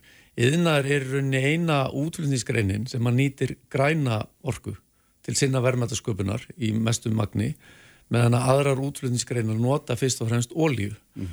Og, og þess vegna höfum við verið að benda á það að ef að ef að hugmyndið er svo að taka raforku frá yðnaði mm -hmm. Að þá er verið að færa hana frá stóriðu, að þá er verið að færa hana til annara greina. Og það mm. er þetta svona, hvað við segja, skýrt aðeim um atvinnustefnu. Mm. og er einhver umræð sem þarf þá að taka í samfélaginu ef að það er markmiðið. Það er alltaf ljóst að við erum að setja 80% orkunni í stórnotendur 8% í smerri af rávorkunni, en hins vegar er það innan við 20% af orkunni á Íslandi sem að fer í stórnóttundur Já, þú tekur ólíuna með. Og jarðhittan, það er stærsta, okkar stærsta öðlind, hérna, hittavatnið Ég held að segja alveg, alveg rétt að við viljum fasa út jarðnælsniti og við erum alveg sammála um það. Uh, það sem ég hef séð núna þegar það er orkalauðs í kerfinu, það er búið að gera samninga við landeldi, það er búið að gera samninga við gagnaver. Mm. Uh, ég hef ekki trúið því að með aukinni orkuöflun að þá breytist þessi stefna og þetta er það pólitíkurinn að setja atvinnustefnu og setja stefnum hver á að fá að kaupa rávorku en það köllum við eftir því en það hefur verið rosalega lítil stefna í því og markaðurinn hefur bara fengið að ráða og það fer bara til hæstbjóðanda. Mm -hmm. og ég held að það sé alveg augljóst að hæstbjóðandi er ekki alltaf að fara að vera orkuskiptin og rafmagsbílarnir og allt þetta sem að tala er um. Það eru tækifæri til að afla frekar orku anþess að byggja nýjar virkinir, það er hægt að stækka virkinir ég get nefnt uh, segildustöð þá að stækka hann um 65 megawatt þeistareikir sem að, að stækka um 45 megawatt, svo er hægt að spara 8% segir landsvirkjun með bara orku sparnaði og, og, og bótum á flutnískerfinu mm. og landvind bara stiður all, allar þessar framfari og við viljum mm. horfa fram í tíman þar sem að kyn, komandi kynnslóðir eiga bæði gott líf vegna loslasmála og eiga náttúruna sem að uh, er svo verðmætt og að lífriki fái að njóta vafans mm og hérna og en, en það er það... svolítið spurning að segja þegar það er sagt að, að við þurfum meiri orku og að þessi að nýtingin orku núna standi undir okkar hægsæld og velsæld að þá erum við til dæmis að nýta orkuna mjög illa með að við önnur lönd ef við skoðum hérna hvað við erum að græða mikið pening per orkueiningu sem að reyndar eru miklu leiti út af því hvernig við förum með heita vatnið eh, sem er líka orkueilind eh, og þetta verður að endur skoða og það það er svo mikill brussugangur í gangi í vexti í alls konar hlutum. Mhm. Fiskaldi er að vaksa alveg ótrúlega hratt og mikið og við erum að sjá mjög alvarlegar afleggingar og mér finnst bara náttúrulega að vera undir í þessum vexti sem á að vera. Og vexturinn er eiginlega bara búin að vera of mikill, við erum bara búin að vera með háa verðbólku hérna, kannski er það út af því að það er búin að vera bara of mikill vöxtur. Uh, við þurfum að fara að skoða líka hvað vöxtur er. Er vöxtur endilega bara að stækka hagkerfið, ætlum við ekki, ekki að sagt, mæla vöxt líka í bara velsalt fólks, mentun mm -hmm. og alls konar öðrum hlutum. Og það er svolítið þröngsýn að tala um það að vöxtur einn og sér sé bara af hennu góða sama hvað. Og, við, og það má alveg endur skoða þessa hluti hvernig við förum orkuna, hvernig við sköpum verðmæti úr orkunni. Og auðvitað á pólitíkin að gera það. Hvorki ég eða þú hérna inni erum að fara að leysa það eitt fyrir þrýr eh, við erum að fara að tala fyrir hagsmunum þeirra sem við komum hér fyrir. Mm. og landvendur og almanna samtök sem að og náttúruvendarsamtök uh, og við eitthvað tölum fyrir þeim hagsmunum og, og svo eru samtökuðina sem tala fyrir sínum hagsmunum og það er bara alveg eðlilegt að við séum að þá ekkert alltaf sammála en auðvitað á pólitíkin að taka þessu og við getum beitt okkur fyrir okkar hagsmunum þar. Já, en mér sýnist þess að umræða núna, hún, hún gengur út og það, að, að það, er, það er einhver ágreiningur um það hvernig er best að tryggja heimilum og smarri fyrirtækjum aðgang og orku á skikkanlegu verði. Að það sé ekki einhverjir aðri, þá stóri notendur sem koma inn eða eru fyrir, sem gleipa það sem að afgangs kann að vera á hverjum tíma. Og þetta er krafa orkumálastjórans og, og hérna mm. sem hefur farið fyrir brjóstuð ykkur, Sigurður, mm -hmm. því hafið ekki viljað samþykja hennar áherslur í því.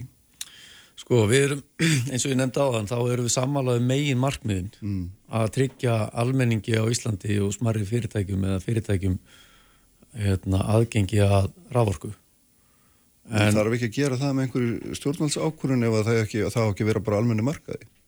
Sko við hefum, fyrsta lagi, já við hefum náttúrulega deilt á mjög útvæsluna mm. og, og það er bara margt í því sem við höfum, höfum gaggrínt og má, lýsa, nei, má lesa vel um í, í talir umsöng sem við sendum inn í þingið en uh, við höfum eins og að benda á það að nú þegar eru til staðar að minnstakosti fimm ólíka leiðir til yngripa í gegnum rávorkulög, gegnum reglugerði, gegnum netmála landsnets, í gegnum skilmála hjá dreifiveitum og svo framvegs mm -hmm.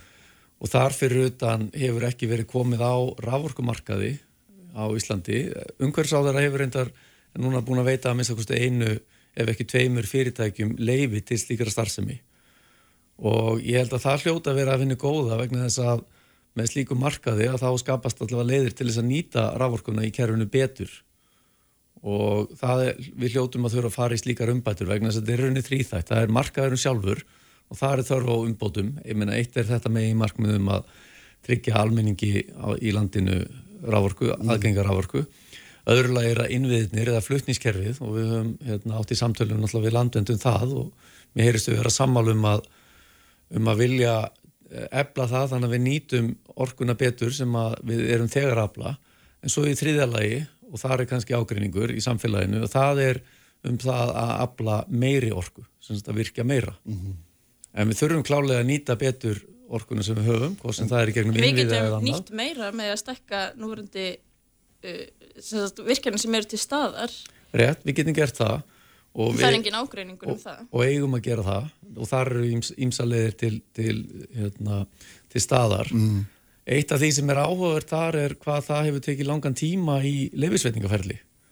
Eh, af því að sko, Þorgerur nefndi segjöldustöðu hérna áðan sem er bara gott verkefni en það tók sko, nýju mánuði í meðförum orkustofnar að komast að, að, átt að segja því hvort að það fjalli innan rammaállunar eða ekki á grundileg þess að þetta væri stækkun. Já. Þannig að þá erum við aftur líka komin að þessu með, með sko leifisveitingaferlið.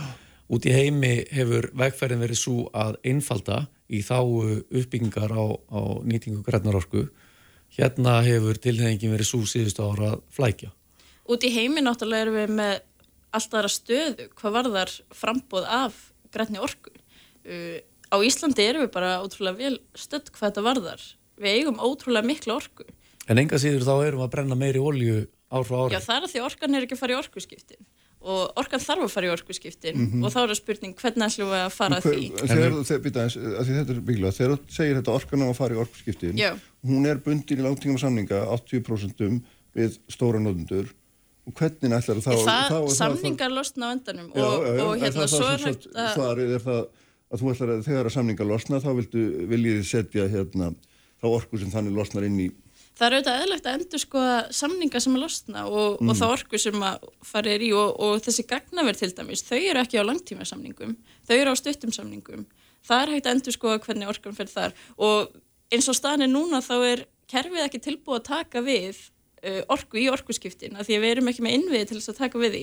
Og þá verður náttúrulega orkan bara seldi í eitthvað annað. Og þá munum við verið í sömustöðu og segja það er orkuskortur, við þurfum að virka meira fyrir orkuskiptin. Og ég vil defnir spyrja þig líka út í það Sigurður að hérna, þú sagðir að Hallarhund þú sagðir hreinlega hún var í vanhæf. Uh, og ég vil bara fá að spyrja hvað, mm. hvað gerir hann að vanhæfa hún talar hann bara fyrir stefnu stjórnvalda og ég Mér þykja þetta aldrei alvarlegt þegar svona samtök segja að, að orkumálastjóri sem er bara ofnbjörn starfsmæður sem vanhæfur, ég er ekkert alltaf sammála því sem að hörður hjá landsvirkinn segir en það þýr ekki að geti kalla eftir því að hann sé vanhæfur. Nei, en það er það ekki hægt að segja að hann sé vanhæfur vegna þess að hann er ekki ennbætsmæður og þarna verður það að gera greinamun á tveimur orðum, mm. annars að vanhæfni sem að við erum ekki að tala um mm. og hins vegar vanhæfi sem að er hugtak sem að er fjallað um í stjórnsýslulögunum og ánáttúrulega við þá um stjórnsýsluna og, og embætsmenn og við bara bendum á í okkar umsögn uh, um uh, þetta skömmtunarfrumvarp á ummæli orkumálastjóra mm. og veltum því upp með hliðsjóna af stjórnsýslulögunum og þeim heimildum sem er til staðar hvort að þau ummæli leiði til vanhæfis eða drægi hæfi hennar sem embætsmanns í Eva vegna þess að borgarar í landinu verða að geta treyst því að fá... Hvað ummæli nákvæmlega ert að vísi? Uh, ég er nokkið með þetta fyrir fram en mm. það eru ummæli til dæmis sem snúa því í hvað orkan á að fara uh, hvernig að forgansaða uh, og... Er það ekki verkarhing orkumála stjóra landsins að hafa skoðun á því í hvað orkan okkar á að fara? Efna, hvað á viðkomandi eiginlega að gera ef hann á ekki að hafa skoðun á því? Hún hefur kannski ekki eins og beina skoðun á því, hún bara kallar eftir því að það sé stefna Já, einmitt, sem að við heldum sínum alveg alls saman um það, en þannig erum við kannski bara að vísa því það að, að orkustofnun og eftir aðtöngum þá orkumála stjóri mm. veita leifi á markanum, til dæmis virkjana leifi og eftir aðtöngum önnu leifi og síðan er, hefur sko stofnunin eftirlitslutverk og við erum þá bara að segja það verður að vera hafið yfir vafa, svo mm. stjórnsísla sem að orkustofnun uh, viðhefur. Mér hefur þótt bara orkustofnum vanda sig mjög mikið og mér finnst það að vera gott að hún gerir það og það hún á að gera það. Og uh, talandu um til dæmis kvamsvirkjun að þarna kemur inn sem sagt að, að virkunin brítur sannlega lögum um vatnatilskipunina og, og lífrikið uh, sem að sem sagt, vendur lífrikið í vatninu. Mm -hmm. og hérna og það er reykið tilbaka þarna hérna það á að vanda sig En er þetta dæmum að orkustofnun hafi vanda sig? Þarna? Mm. Nei, þarna greinlega yfirsást orkustofnun og umhverjastofnun uh, yfir þetta, en þetta sýnir bara hvað það er í mörg hotna líta mm -hmm. og hérna ég vil bara fá að taka upp hanskan fyrir hann að höllu hrund og mér finnst hún vanda sig mjög mikið í sínu starfi og hún er að sína það með þessum orðum sínum að hún kallar eftir því að almenningu fái að njóta forgangs Við erum alls saman á það og hérna að það sé spurt spurninga í hvað orkan á að fara af því að ef hún feð bara til hæspjóðanda þá er ekkert víst að hún fari í orkurskiptin og frekar ólíklegt Já, en það er náttúrulega hlutverk stjórnmála að, að sko hafa skoðanir á því ekki satt Jú, og hún er að kalla eftir því Einmitt. En hún Hvernig, er samt að tjásu um það eins og hún var í Já, en í tengsli við, við loftlastmál orkurskipti, mm -hmm. hvernig tryggjum við að orkan fari þangum? Það hlýtur að vera eitt af megin markmiðum okkar sem samfélags. Akkurat, ég held að, ég er nú alveg sammála því og tek undir það, ég held að sko stjórnvöld þurft að vera með skýrir stefnu í þessum málum. Og við, ef við horfum til dæmis til Norðurlandana um það hvernig nágrannar ríki okkar hafa nálgast þessi mál að þá í Danmörku voru sagt, 13 atvinnugreinar gerðu samninga við dansk stjórnvöld um það hvernig þau myndi ná sínu markmiðum í, í lofstafsmálum orku skiptið er náttúrulega eitt af því, stór partur en, en það koma önnur atrið þar inn í, til dæmis gegnum innanferðla.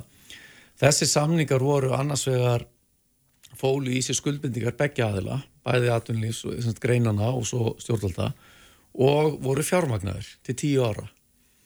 Þetta hefur til dæmis ekki séð hér. Í Svíþjóð, sem er mjög áhugavert dæmið, þar var sett upp uh, svona vettvangur sem að heitir Fossil Free Sweden mm. sem að hefur unnið með atvinnugreinunum og stjórnvöldum þá að því að útfæra nánar hvernig greinarna geta náð sínu markmiðum. Og þetta var sett á uh, 2017 held ég.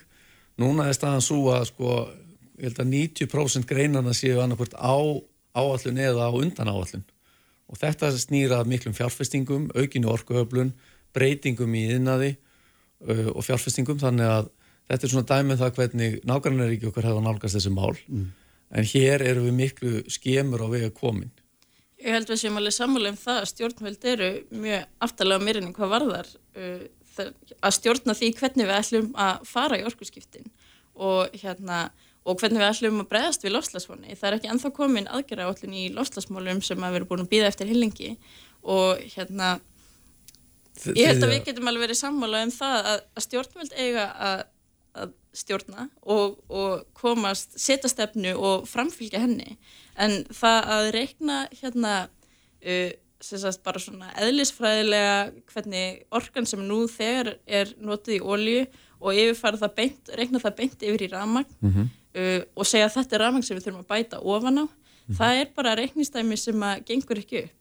Uh, það kallar á svo ofbáðslega mikla orkuöflun en það eru tækifæri í þessu til þess að uh, spara orku, til þess að fara yfir í samfélagi þar sem við þurfum bara hreinlega minni orku mm. og leifa tímanum að, að vinna með okkur og hérna, nota ramagnir sem við búum til nú þegar betur. En hvað segir þú við vestfinningar sem að núna eru hérna í standandi vandraðum og, og, og er að sko flytja til sín eða þurfa að brenna miklu meir ólíu þegar það hafa gert og sem kostar alveg óherrlega fjármunni og dælir náttúrulega gróðurslofthugumundum út í andrúsloftið. Þar er verið að kaupa þessa umfram orgu sem að í slæmvassárum mm. Uh, er ábúndavand vegna þess að það er, uh, lónin eru bara ekki með ná mikið vatn og En það stefnir hérna, í það að, að samkvæmt uh, þeim að, að árinu 2024 þá 15 faldist oljunótkun orkubús Vesera. Mm -hmm. Það eru auðvitað mjög slæmt, Já. en flutningsgetan þánga er til staðar og eins og við seljum rafmagni núna þá mm. er það þannig að, að þeir borga miklu lægra verð fyrir orkuna vegna þess að hún er umframorka. Auðvitað á að tryggja svona grunn innviðum uh, fyrir fólk uh, forgangsorku og þetta, ekki, þetta er ekki mikil rávorka uh, en, þarf, en hún er ófyrirsjámanleg mm -hmm. og það er það sem að, hérna, gerir það verkum að það er betra að hérna, kaupa umframorku vegna þess að þú getur ekki skuldbundið eins og gagnaverðin þau eru mjög góður orkukaupandi því þau nota bara alltaf jafn mikið mm. en þannig erum við að tala um toppa, við erum að tala um botna og það er bara dýrt að kaupa Eh, orkuna og ég held að þetta sé eitthvað sem stjórnvöld þurfa að leysa. Þurfa að grýpa inni til þess að hérna, draga úr þessum sveiflum sem satt. Ég þurfa að grýpa inni til þess að bara tryggja þessum innviðum forgangsorku. Já, já, já, með öðrum orðin, já, já. Já. já. Aðeins kannski þetta var þetta vöxtina því að Þorgir er komið inn á það áðan. Já. Hérna, sko, vöxtur, landsframhersla mann hefur staðið í stað núna í einhver ár. Þannig að það er ekki vöxtur, okkur er að fjölga mikið og þess vegna er, er haggerað að vaksa, en það er ekki vöxtur á, á hvern einstakling sem að hér er og ég tek auðvitað undir það eins og Þorgerur nefndi að við viljum, sko hvað er velsælt það er ekki bara mælt í krónum og örum, það er líka við viljum gott mentakerfi, við viljum gott heilbríðiskerfi og svo framvegs, mm. en það kostar fjármunni og einhver stað að verða verðmættin að koma frá og þau koma frá útflutningsgreinum, fyrst og fremst það er svona stóra myndin hjá okkur þannig að ef við ætlum að draga úr útflutningi til lengri tíma með því að forgansaða orkunni öðruvísi að þá leiðir það einfallega til þess að Ísland sem að í dag er í fremstu röð í hvað var það lífskeiði og lífskjör mm -hmm. að við munum dragast verulega aftur úr. Já, við erum að horfa á sagt, stöðu láslasmála, stöðun lífræðilega fjölbreytni og stöðu auðlinda bara í heiminum, þá viljum við fara í ringrás, viljum fara í ringrásarhagkerfi og þessi línulega, þetta línulega hagkerfi þar sem við tökum úr auðlindum og búum til hráveru sem síðan er urðið að farga á eitthvað hátt. Þetta er hagkerfi sem eru útlið og ég held að það undistrykki bara alvarleika málsins er að auðvitað eigum við mikið undir í, í þessum greinum. Og það eru fullt af þjóðum þannig úti sem eiga allt undir í framleiðsla og olju og það er einmitt, þannig erum við farin að spyrja réttu spurningana, hvernig ætlum við að færa okkur yfir úr því að vera í línilega hagkerfi sem að nýtir auðlindir í jarðar mjög illa og yfir í ringrása hagkerfi þar sem að fólk getur búið í sátt og samlindi við náttúru? Uh, hvernig ætlum við að fara ángað og það er spurningin sem eigum við að spyrja okkur. Ekki hvort að við ætlum að fara ángað sem við munum þurfum að fara ángað á endanum mm. þegar auðlindirna bara þrítur En það breytir því ekki að við þurfum með rafmagn á Íslandi. Ég er ekki samanlega því. Nei, nei, nei. Það er bara stóru mynding hvað sem er okkur líka betra að verða Það er öllum ljóst og því er ekki samanlega Herri, bestið þakki bæði tök Fólegt og skemmtilegt að fá ykkur og hérna Halla Helgadóttir er hérna hjá mér eftir augnablikum Sprengisandur á bylgjunni. Í samstarfi við Hirsluna og Bæjar Líf Kraftmikil umræða alla sunnudaga. Sprengisandur á bylgjunni Hlustundur uh, þau eru farin frá mér uh, Þorgjörður Marja Þorbjörnundóttir og Sigur Hannesson eftir umræðu hér um orku öflun orkumálin, forgangsröðun og, og framvegis. Uh, en sestir hefur Halla Helgadóttir sem er svona dagligdags gegnir því að vera frangandustjóri uh, hannarsmiðstöðar. Já, miðstöðar hannar. Já, akkurat, nákvæmlega. En er komin hér sem húsmaður í Vesturbænum, það er ekki annað, þetta er einn frægi titill úr velvakanda morgunblæsins á sínum tíma. En hérna, íbúi Vesturbænum, skulum ekki vera gamtast mikið með þetta og hérna ástæðan fyrir því að mér langaði að tala við þér að þú ert í svona forsvari á samt fleirum fyrir hóp íbúi Vesturbænum sem er að andmæla þessum gríðarlegu gríðarlega stórtæku uppbyggingar áformum bandaríska sendiráðsins sem ætlar að setja sendi herra sinna á Solóðagötuna eða hann á að búa þar mm -hmm. og, og það ánánast að við gera það hús í svona hressilegri óþokk ykkar ef ég skil þetta rétt. Já, já, við höfum sko gert aðtvarsendir við það, við höfum að sjálfsög ekkert á móti sendraðum eða sendiherrum eða að þeir búi í einhverjum góðum húsum Nei. en það eru krafi, greinlega krafa frá bandarísku utarrikisjónastunni að hafa mjög miklar örgisvarnir í kringum í, í, í kringum sín hús og það sem við höfum bara verið að benda á að það það á ekki heima í íbúa hverfum í borginni og jafnvel bara eiginlega ekki á Íslandi. Það er mhm. engin hefð fyrir þessu og hérna, þetta stangast alveg á við, við okkar hefðir þannig að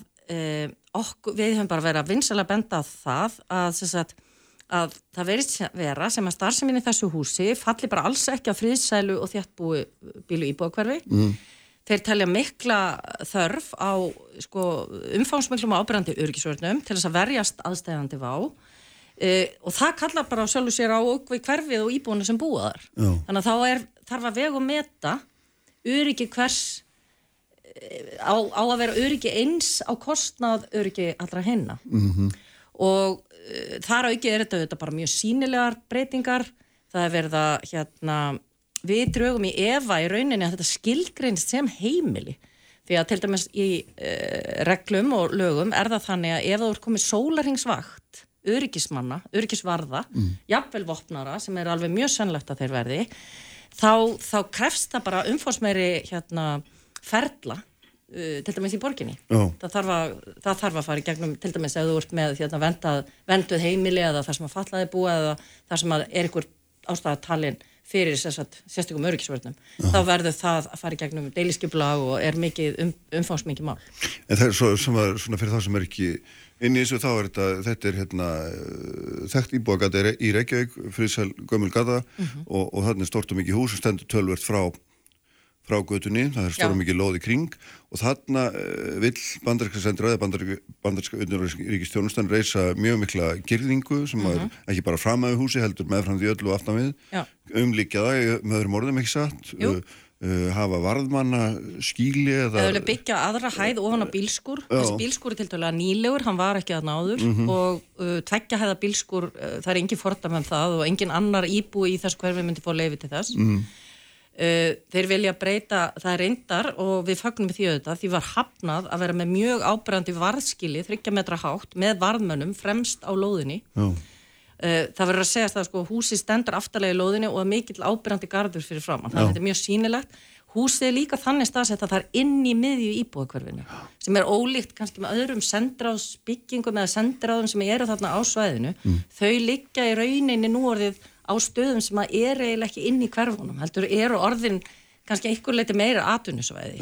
Og það er kannski yllu hilli en það er allavega þannig. Mm -hmm.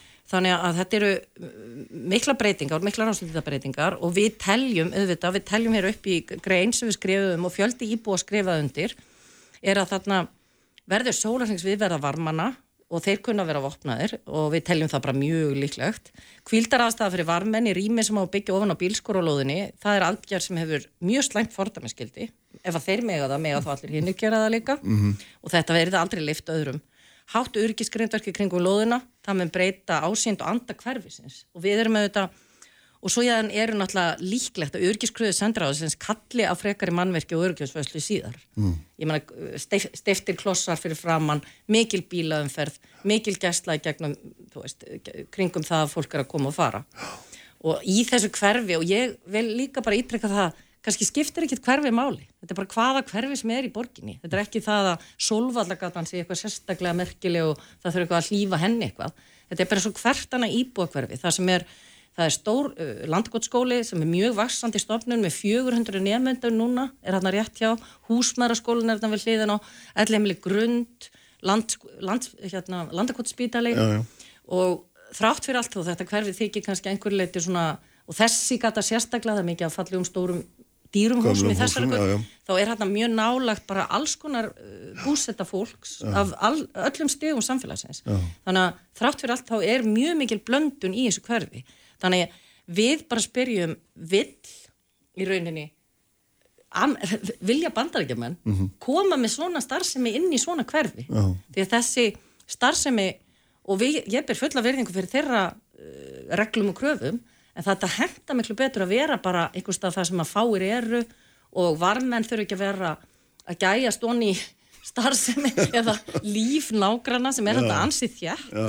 og það verður, það er alveg á hreinu að bæði fyrir sendráðið og fyrir íbúin hann í kring verður alveg gríðalegt ónæði af þessu. Já, en hvaða, hvaða svona, þú ert búin að þið skrifuðu grein í blöð og þið hafa alltaf verið í einhverjum samtali við borgina og, og kannski fleiri eða hvað? Jú, og við hefum samband við, sko, eins og ég segi, þetta eru, þú veist, bara, ég myndi segja nánast allir í þessu hverfi eru þarna á bakvið, fólk er, þetta er fólk sem er ekki að hafa sig mikið fram með að ganga um ykkur mótmálaspjöld, en hérna, við höfum verið í samskiptum, við höfum sendt erindi til borgarinu, við höfum sendt erindi til allra borgarfulltrúa, margir þeirra svöruð okkur, uh, til líka starfsmannaborgarinnar, en ég tel að þetta mál séu að því, þetta er, þetta er prinsipmál, þetta er stefnumál, Þetta er ekki teknist úrlausnamál sem á í hendur starfsmanna borgarna bara. Og það er það sem ég óttast og held að sé verið að gera. Það er bara verið að setja þetta í þessi hefbundu ferli. Uh, það eru þetta þannig, það eru, uh, það eru samkómulag mm. melli ríkja um hvernig um réttindi uh, diplomata Já, já. og hérna, sendiráða. Þessar reglur sem við erum auðvitað aðlar að og höfum verið aðlar að heldur bara, já, síðan, þau, síðan 1960 eitthvað og þær reglur þetta snúa fyrst og fremst að því að tryggja því fólki öryggi og sangjarna búsetu í löndum og við þurfum auðvitað að bera virðingu fyrir því. Og ég skil það. Þar er auðarkistjónustan auðvitað uh, aðili. Síðan er borgin. En ég tel að vera skildu okkar hérna stjórnmálamanna og hvort sem er í borg eða ríki að hérna beina þessu í betri farvegi. Og það því að hvað gerum við svo? Er, þykir þá orðið eðlilegt, við veitum alveg hvernig þetta verður. Það verður vikið einhvern veginn kring, það verður komin inn klossar, þegar um leið og þau eru komin inn í lóðina, þá er þetta þeirra lóð því gera það sem þeim sýnist, við höfum alveg fordæmi fyrir því í öðru. Uh, ég meina, forseti Íslands er ekki eins og með svona varnir, sólega gatan það sem hann sem er skrifstofn, það sést ekki að neitt er þar. Uh, þannig að, Þetta finnst þetta að vera einhver eðlisbreyting á já það er það sem ég tel. þetta er eðlisbreyting og við erum ekki vöðum því að vopnaði verði séu vappandi inn í hverfum. Í Reykjavík borga eða bara neinstæðar held ég á Íslandi. Nei.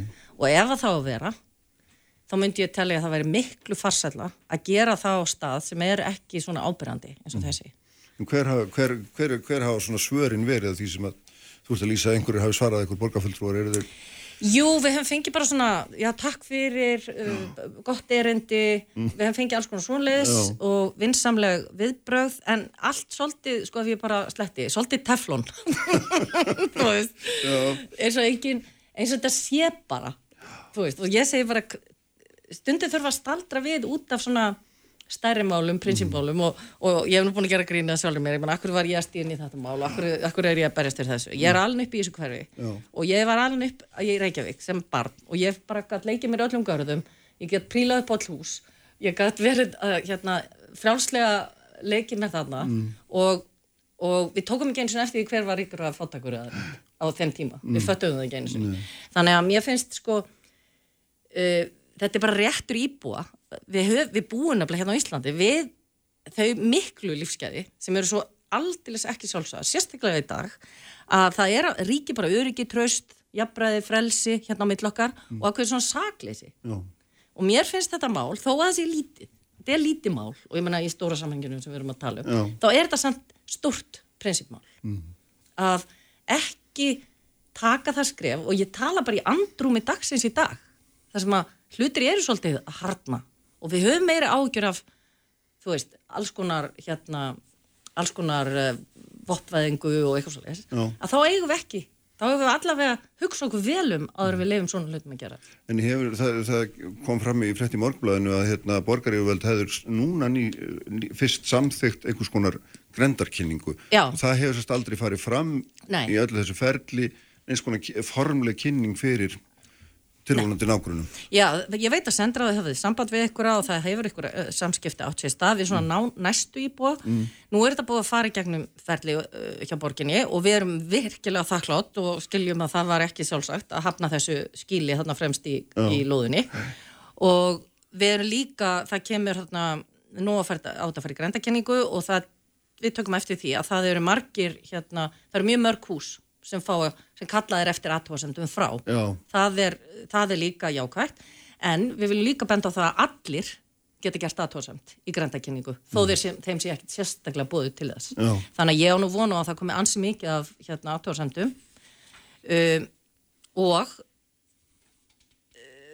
þannig að það er jákvægt annað og nú er ég að fara að tala eitthvað svona prínu teknist að Já. það er sko, það er ekki deiliskipulag á þessum, þessu svæði en við teljum í rauninni að það megi hugsa til þess, þar sem á að vera sólahreinsvakt, varðmanna, að þá verði þetta í rauninni að fara í gegnum deilisskipulag þannig gildir það í öðrum hverfum, Mm. ef það á að setja starfseminn í hverfi, þar sem er sólahreinsvakt Mm. þá þarf það að vera deilisskipulag og það er ekki deilisskipulag þarna þannig að, að það má vekja aðtikla á því En hefur, hafið þið fengið fram einhverju svona pólitíska stefnu á halvu borgarinnar í þessu eða, eða einhvers og ég kalla bara mjög eftir því Mm. að pólitíkinni borginni hvar sem hún er, í hvað flokki sem hún er og kannski bara nýr borgarstjóri mm. komi og, og, og, og til dæmis eh, fulltrúi um, umhverfis og skiplarsráðs að þau komi og stýði fram og tjái sig um þetta mál finnst þeim þetta ekki mál sem er þess verðt að fá umfjöllun, pólitíska umfjöllun. Og það því að ég ger alveg grein fyrir það að starfsmenn, borgarna sem er fjallum þessi mál, þeir eru þetta bara að vanda sig eins mikið þau geta og reyna að gæta sam, uh, sam, uh, samræmis og, og allt þetta. En við vitum líka og það má alltaf kannski gera pínu grína því að þess að bara nokkrum gutum, nei nokkrum húsum frá þá var dæmis uh, litlum hænsnakofa hafnað, það mátti ekki vera með hænur í garðinum. Og hérna, það er nýbúið að hafna þaksvölum ofan á svona andir í skíli hérna í Sólöldugutunni þannig að það eru mjög stranga reglur um hvað má gera. Og hérna og ég bendi líka á það að það er náttúrulega sem að auðvitað er ekki hægt að leiðrétta en ég menna þegar að þjætting borgarinnar þú veist, byggðar í borginni löngu byrjuð þá er þarna auðmanni leift að bara breyta fjögra íbúða húsi í einbílishús þarna voru bara margar fjölskyldur börn og, og, og, og, og stemning í þessu húsi. Mm. því ég breytti þetta, þessa höll sem er eiginlega bara, og núna er ég kannski orðin komin út fyrir efnið, en hérna sem ég veit bara alveg mjög illu hilli, Já. sem enginn getur kift sem missir hann húsið, Mm. það getur enginn kift þetta. Húsið er búið að þetta er risastórt og ótrúlega flott hús með þremur, fjórum frábærum hæðum. Það er búið að standa tómt í átta ár Jú, já. þú veist þetta er þvílík uh, uh, uh, léleg framkvæmt sem að þetta umgikja húslendi og svo stöndum við hérna og erum að díla við þetta. Þetta sé hérna En- að næsta, næsta skrifa sig að vera með hefur einhvern veginn á tilfinningunni halla að þarna að borgarauðvald séu mjög vannmáttug í þessu, er, er það svona Já, sko, ég held að sé, ég kannski má segja það ég kannski tala ábyrðalesi, en svona, það sé ákveði meðvirkni með þessu. Ég meina, þetta er auðvitað utarkisvonstana, þetta er jáfnvel ríkislauglastjóri, gæti mögulega verið að, að haft hlutverka þarna, en ég held að allir fari bara í, sko, framkvæmda, hvernig er hægt að leysa þetta? Mm. Hvernig er hægt að leysa þetta? Hvernig er hægt að, en það þarf að hugsa um stóramálið og það er það sem er hlutverk, alls og kom hérna fram á það, mm. Pólitíkin, stjórnmálin, þau verða vilju við þessa breytingu. já. Þetta er kannski ákveð þá ertu að dómina. vísa í eðlisbreytinguna. Vilju við hleypa vopnuðum vörðum inn í á, áberandi sínilegum vopnuðum vörðum og výgirðingum inn í, í friðsæl íbúakverfi í Reykjavík Já. og bara höfborgarsæðinu, hvar sem þau eru. Vildu látum þessa spurningu bara lifa Já, við viljum fá pólitíkina til að tala um þetta. já, fyrir. þakki fyrir að koma uh, Sprengisendinu verðum við að láta lokið í dag, Jóta Davíð Haldursson stýrði útsendingu eins og hann gerir alltaf. Allt efni finnið svo vísi.is og bilgjam.is og í bilgjuappinu svo verðum við félagarnir með ykkur hér aftur eftir. Vikum, verið sæl